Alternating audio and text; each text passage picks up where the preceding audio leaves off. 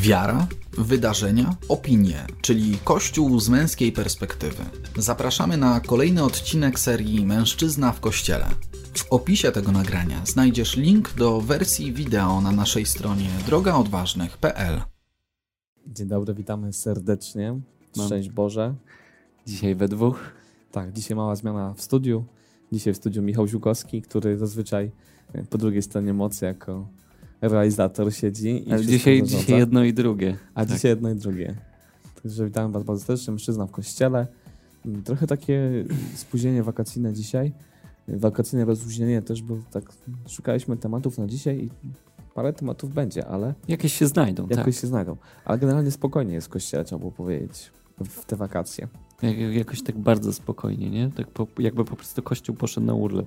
Trochę tak, chociaż dzisiaj znalazłem takiego newsa, z serii newsów takich clickbaitowych, czyli o księdzu z USA, który został ekskomunikowany za antypapieskie nauczanie. Jeden z księży diecezji Sacramento w Stanach Zjednoczonych yy, zrobił coś, co w ogóle jest ciekawą rzeczą. Znaczy oczywiście to jest pewien wyrywek, wyrywek mm -hmm. jego twórczości, yy, ale oczywiście to cały problem na tym, że nie uznaje papieża Franciszka i w czasie sprawowania liturgii, kiedy jest wypowiadane imię papieża, za każdym razem wypowiadał imię Benedykta XVI. Oj.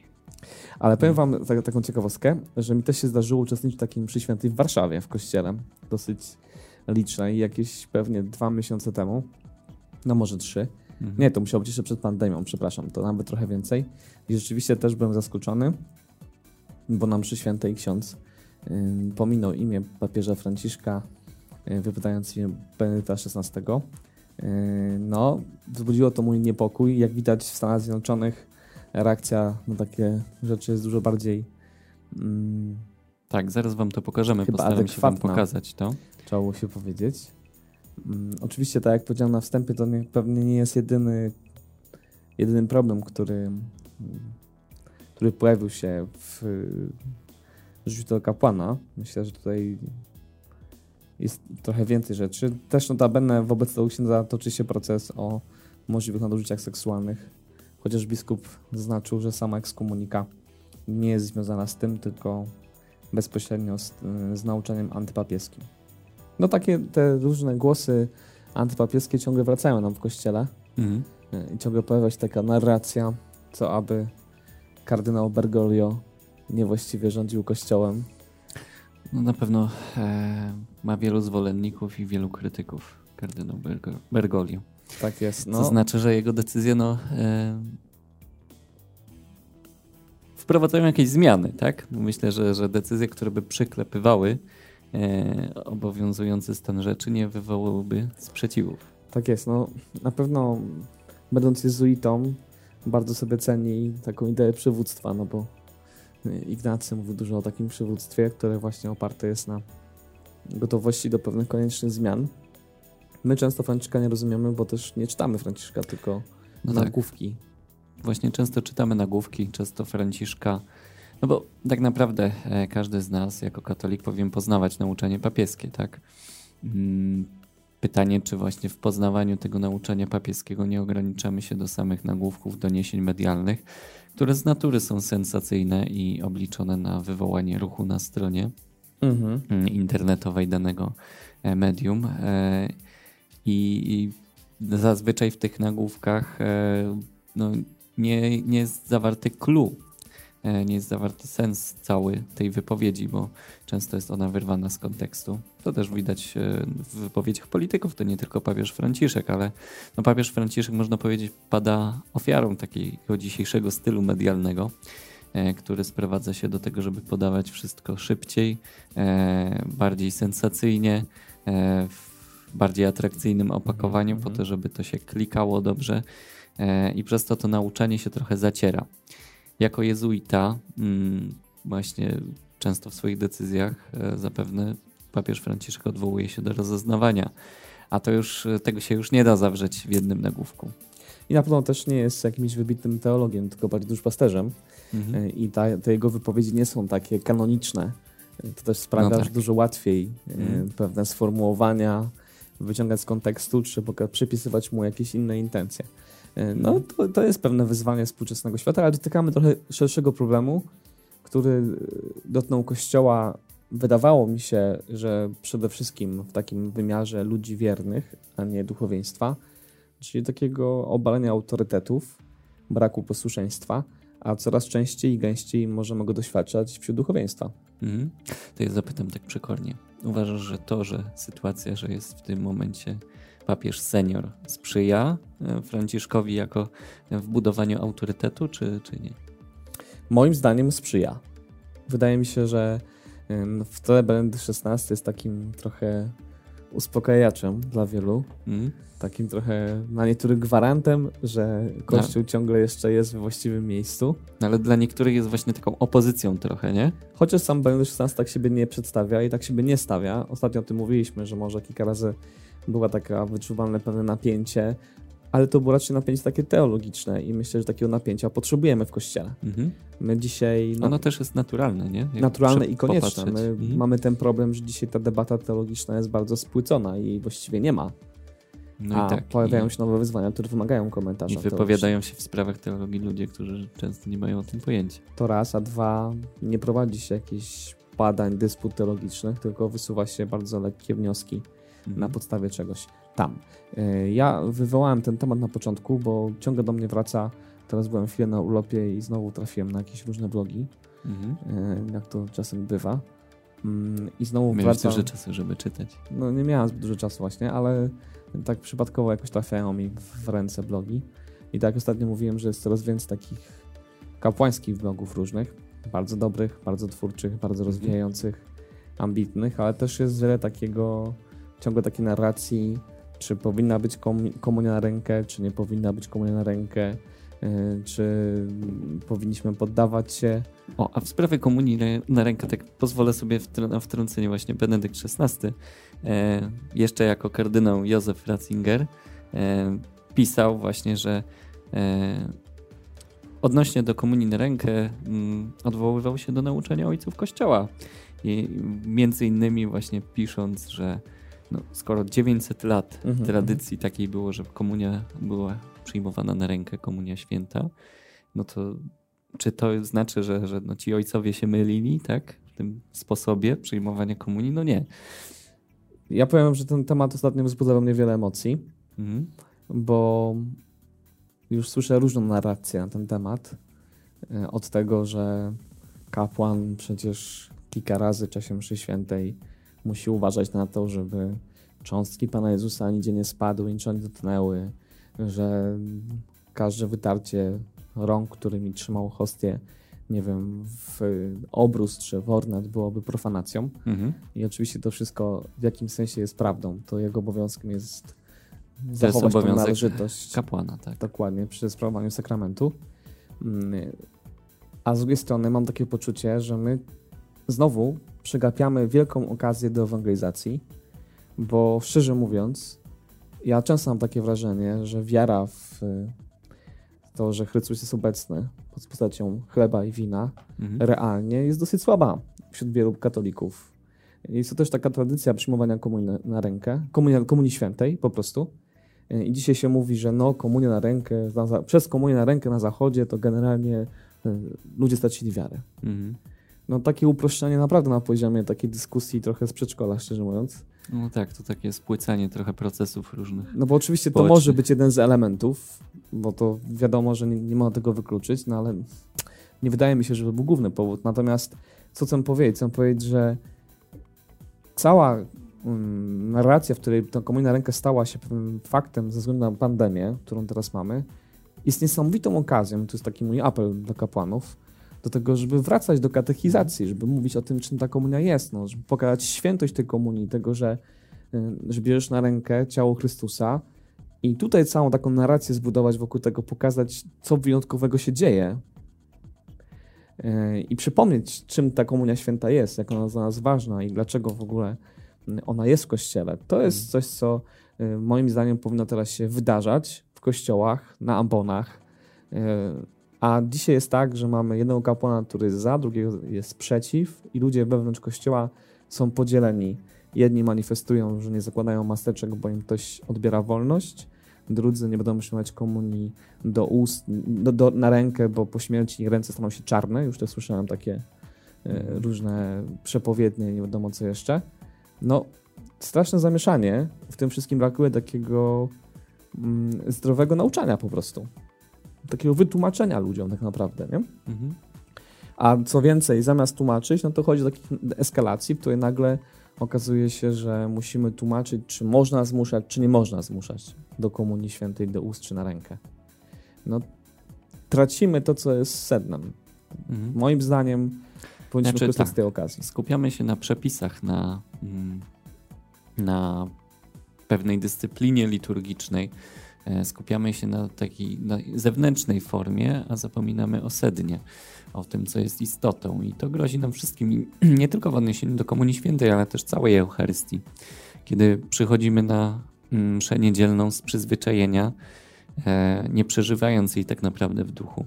To też właśnie pandemia to bardzo zweryfikowała, nie? Kiedy siedzieliśmy w domach i mogliśmy uczestniczyć we mszach e, online, mhm. tak, to pytanie właśnie wtedy pokazywała ta sytuacja, jak przeżywamy mszę świętą. Czy faktycznie wygospodarowujemy sobie ten czas w domu, e, czy siadamy przed tym telewizorem, laptopem, e, czy wsłuchujemy się w Słowo Boże, czy, czy wykonujemy gesty liturgiczne, pomimo, -hmm. że mhm. nikogo wokół nas nie ma poza najbliższą rodziną. Nie? To tak naprawdę e, pokazuje, czy, czy my faktycznie chcemy żyć wiarą naprawdę, czy tylko gdzieś się koncentrujemy na tych formach, tak? Oczywiście tutaj akurat w przypadku komunii na rękę to jest ten spór często mm, spór, no, te wątpliwości może dotyczą osób, które naprawdę głęboko przeżywają wiarę. Mm, chociaż to często wynika ze skrupułów pewnych. Mm -hmm. Pamiętam taką rozmowę właśnie z jednym z braci też miałem, e, że no, on bardzo przeżywał to, że, że gdzieś właśnie te cząstki mogą upaść na ziemię.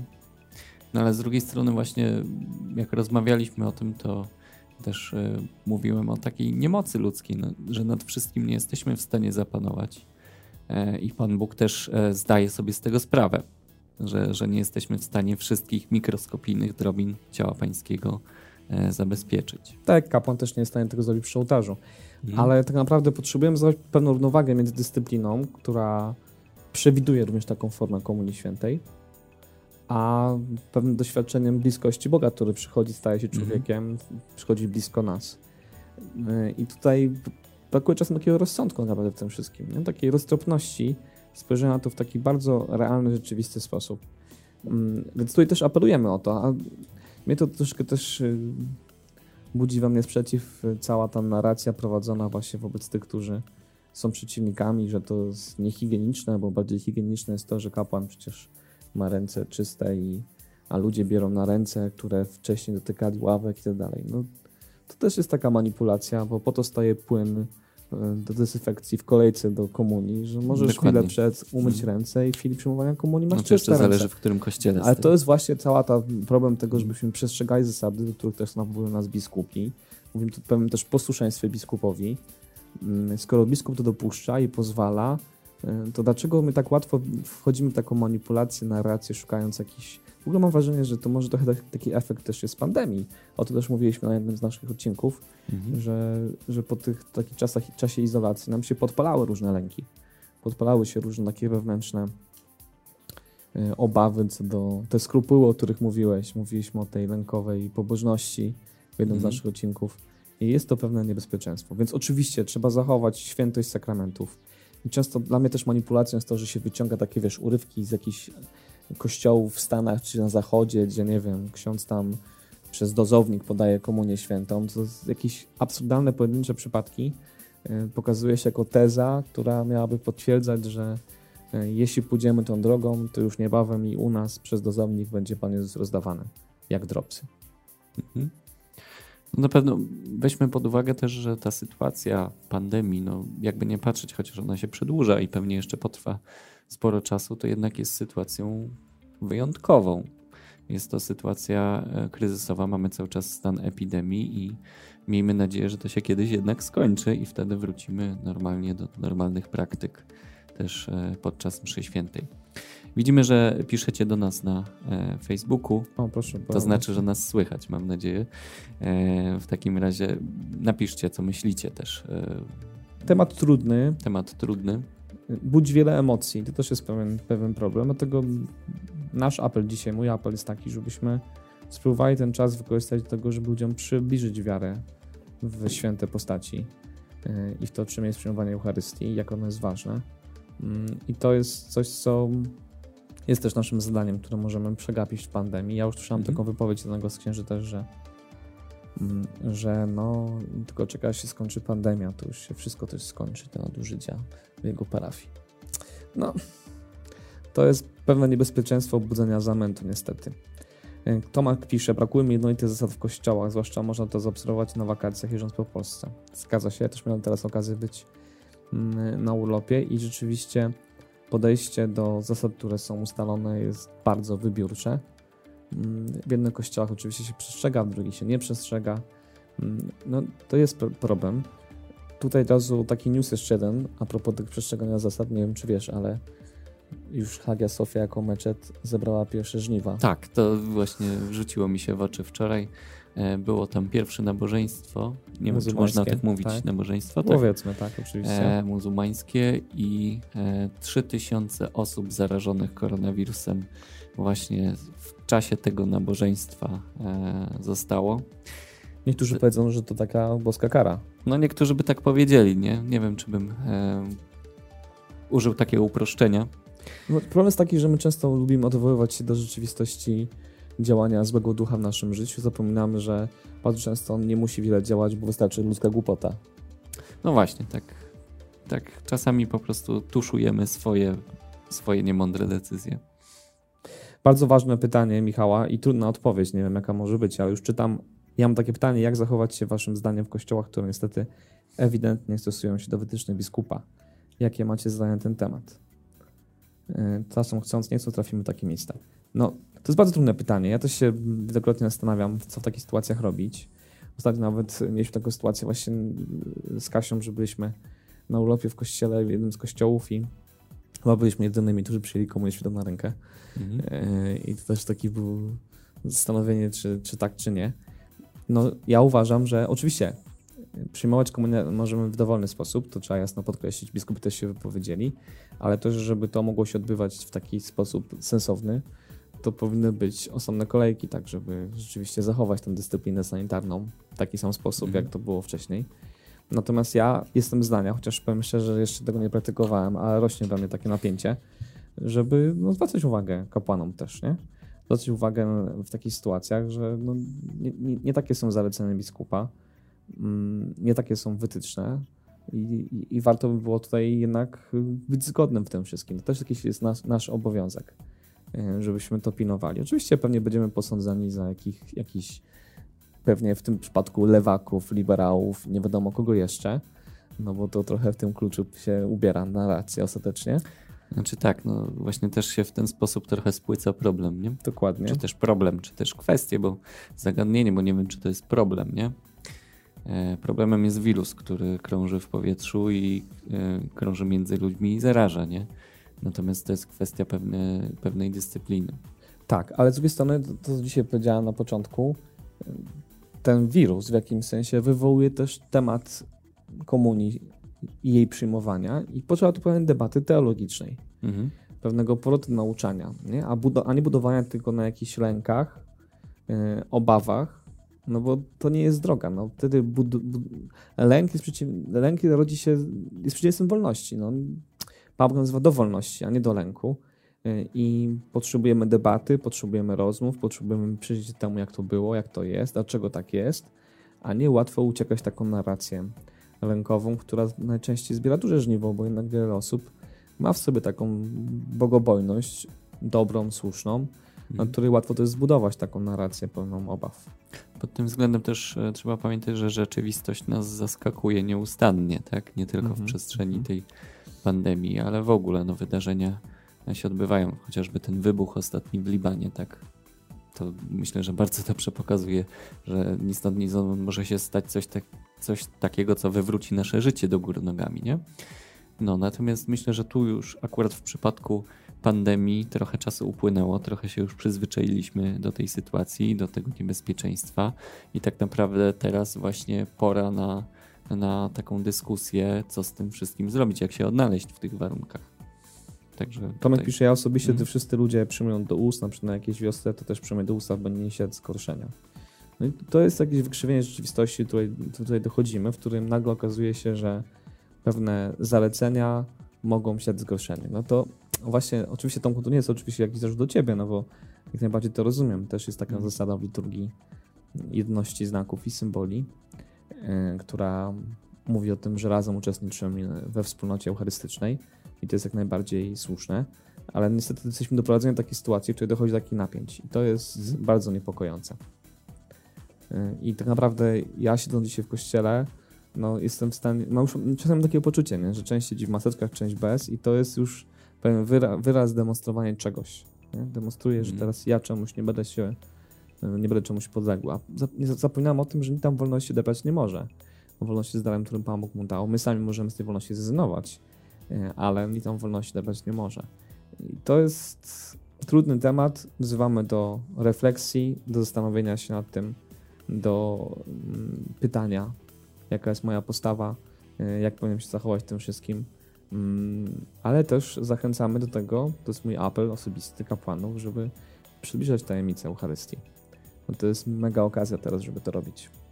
Dokładnie. I tego potrzebujemy najbardziej. Potrzebujemy, żeby nam budzić nas wiarę, a nie budzić nas lęki i obawy. Mhm. E, szczególnie w czasie pandemii potrzebujemy budzić wiarę, a nie lęki i obawy. E, I to jest taki apel. Coś jeszcze mamy z takich newsów? Z takich newsów, no nieustannie, może to nie jest pielgrzymujemy, tak?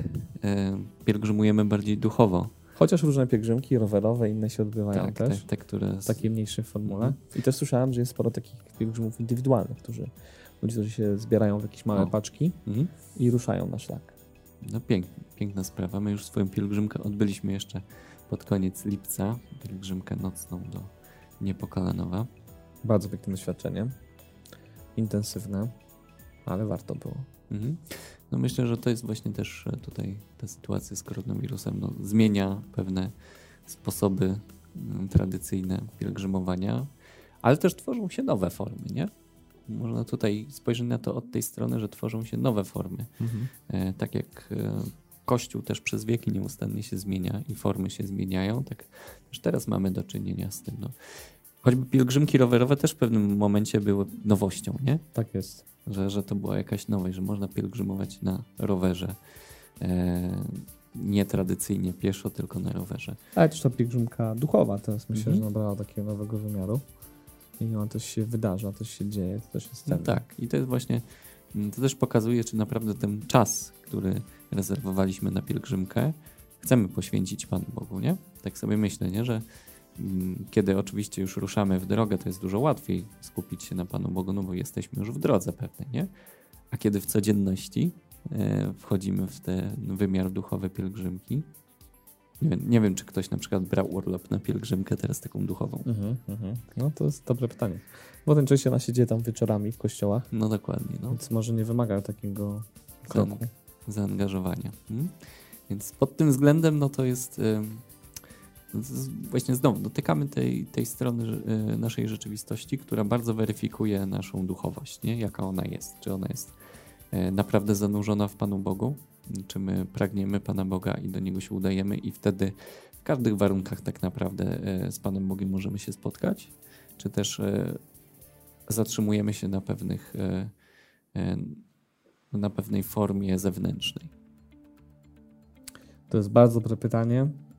Dlatego cały nasz program, to co robimy, Droga Odważna, Klub Magis jest po to, żeby schodzić w głąb, żeby ta pobożność w nas rodziła się z doświadczenia wiary, ale też z takiej refleksji nad wiarą, nad samym sobą. To jest niezmiernie ważne. Mhm. E, jest ten temat e, również e, dotyczący sporów światopoglądowych tutaj możemy do niego nawiązać z tego względu, że no, w pewien sposób został Kościół w to wplątany poprzez profanację, o której mhm. mówiliśmy w zeszłym tygodniu, czyli o fladze tęczowej na, e, na figurze Chrystusa e, w Kościele Świętego Krzyża na krakowskim przedmieściu w Warszawie. Tutaj ten spór cały czas się toczy, tam były protesty, zatrzymania. Mhm. Mm. I tak naprawdę mm, mam taki niesmak tym wszystkim, nie? Bo e, nie napisałeś na swoim pro, profilu dzisiaj ja jestem LGTB? Nie, nie, nie napisałem i po prostu mam wrażenie, że znowu ktoś steruje moimi emocjami. Mhm. E, nawet miałem taki flashback, bo pamiętam w 2010 roku, czyli 10 lat temu, równo w tych dniach, właśnie, czyli na początku sierpnia, kiedy jest sezon urlopowy, kiedy w zasadzie w polityce, e, w kościele mało się dzieje. Mhm. Wtedy właśnie na krakowskim przedmieściu, prawie w tym samym miejscu, toczył się spór o tak zwany krzyż, który stał przed Pałacem Prezydenckim, mhm. upamiętniający e, ofiary katastrofy smoleńskiej. I wówczas też dochodziło do dantejskiej sceny. Ja akurat tam wtedy byłem, robiłem zdjęcia, pamiętam. I, mhm. e, i w całej tej sytuacji mm, dzisiaj patrzę na to z perspektywy też, nie? Bo wtedy ten spór był bardzo gorący, bardzo świeży. E, a dzisiaj patrzę, no, na przykład mam takie zdjęcie, na którym wśród obrońców krzyża, w, e, w cudzysłowie, e, stał jeden z prowokatorów wynajmowany później przez kolejnych polityków więc, więc dzisiaj sobie myślę, że, że to wszystko jest inspirowane gdzieś z tylnego fotela. Mhm. Są w tym jakieś interesy. Że są w tym jakieś interesy, mhm. ścierają się interesy o władzę, o pieniądze. Mm, I chodzi o to, żeby pozyskać emocje społeczne no, dla mnie to... jako paliwo do, do kolejnych działań. Dla mnie to było oczywiste od razu po tym, kiedy powiedziała się pani komisarz unijna, no wzywając tak. do uwolnienia, skończenia z prześladowaniami osób LGTB w Polsce, no. w ogóle nie zapoznając się ze sprawą. No to pokazuje, jak te wpływy różne mają tutaj swój udział. I też możemy w tym wszystkim się gdzieś tam zagubić, no bo jak widzimy pewne sceny mm, sytuacyjne, wycięte z kontekstu, mm, no to tutaj tak to się dzieje. Hmm. Bardzo dobry vlog na ten temat, który przedstawia całą sytuację y, z faktami, ze zdjęciami, z materiałami to vlog pana Tomka. Gej przeciwko światu, czy nie? nie? Samołyka. Samołyk, okay. Tomka mhm. Samołyka, cała prawda o aresztowaniu Margot i zatrzymaniu HGTB, czy to polskie mhm. Stonewall. Czyli to jest odwołanie do tego, że próbuje się teraz pokazać całe to wydarzenie jako taki przewrót, Dokładnie. który miał miejsce mhm. w Stanach w latach 60 w czasach, kiedy w Stanach za skłonności homoseksualne karano, piętnowano je publicznie. E, osoby, które były mm, nakrywane na tym grzechu sodomii, znaczy na tym prawie, to było prawo przeciwko sodomii, było, nazwiska były publiczniane, byli niszczeni społecznie. Mhm. Więc zupełnie inny kontekst, który też odwołaliśmy się ostatnio, że w Polsce mamy zupełnie inną sytuację osób e, homoseksualnych, no i próbuje się nam tutaj taką narrację przypisać teraz też, że to jest właśnie taki przewrót, bo w Polsce jest tak źle i dzięki temu może się stać tylko lepiej. Tak, tutaj pokazujemy Wam fragment tego filmu e, na kanale Tomasza Samołyka. Polecamy zresztą ten kanał cały, bo jest bardzo fajnie prowadzony. Tak, bardzo, bardzo merytoryczny jest Tomek i stara się mhm. na spokojnie podchodzić do tematów. Mm, tak rzeczowo, on też tam po kolei tą całą sprawę analizuje zadając też pytanie, słuszne na początek, no bo wiemy, że tutaj sytuacja jest taka, że, że areszt jest wynikiem innego przestępstwa, które zostało popełnione. Tak, no gdyby tam faktów się trzymać, to, to właśnie widać, że te działania policji na przykład były logiczne też. E, tak, I tak, tak. nie ma tam w zasadzie pod, z punktu widzenia prawa do czego się przyczepić, nie? Natomiast nakręcane są emocje mm, i w tym wszystkim no, gdzieś E, gdzieś kościół jest w tle, bo tak jak mówiliśmy, no, ta flaga tęczowa też zawisła na e, figurze Chrystusa. Tutaj akurat fajny gest e, był prezydenta elekta, starego nowego prezydenta Andrzeja Dudy, który po zaprzysiężeniu też złożył kwiaty pod tą figurą. Mhm. Dla niektórych to był chyba najważniejszy element tej inauguracji prezydentury. Także tutaj piękny ten gest i myślę, że też potrzebny, ważny, żeby przypominać, że to jednak. Chociaż to można powiedzieć, że to tylko figura, ale jednak, jednak figura Chrystusa i dla wielu z nas jest po prostu ważna. E, w związku z tym no, też ten buduje, trzeba budować ten szacunek do wartości.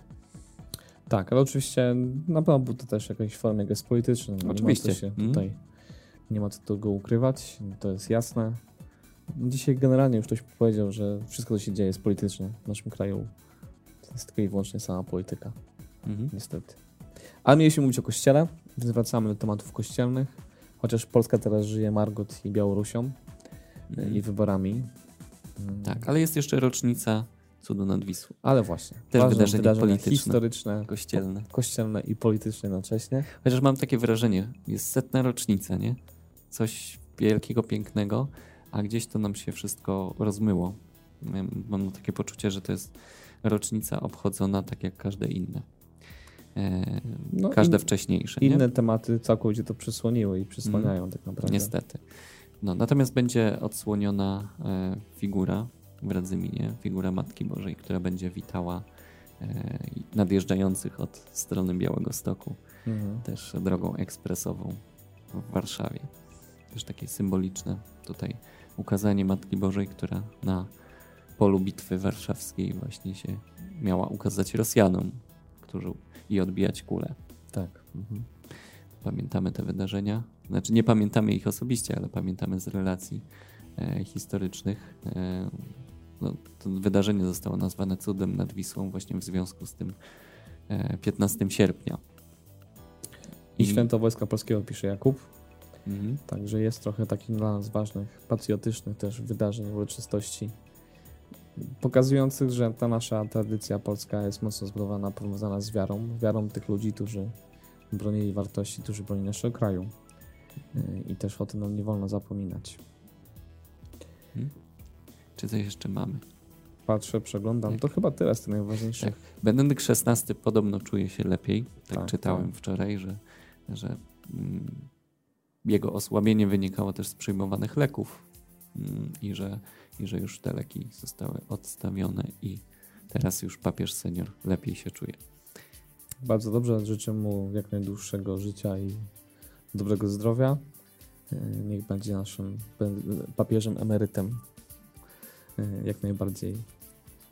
I powiększa jeszcze swój dorobek duchowy też, bo myślę, że to też e, bardzo cenne, że właśnie wciąż tworzy coś tworzy. Myślę, że też takie zaplecze modlitewne tam mm. robi dobre dla obecnego papieża. Dokładnie. Obok. Dobrze, tym akcentem kończymy nasze dzisiejsze spotkanie. Bardzo serdecznie Wam dziękujemy, że wytrwaliście i byliście. Dzisiaj trochę różnych trudnych tematów. Mm. Zachęcamy do roztropności i do takiego poszukiwania prawdy, ale też budowania i rozwijania naszej wiary.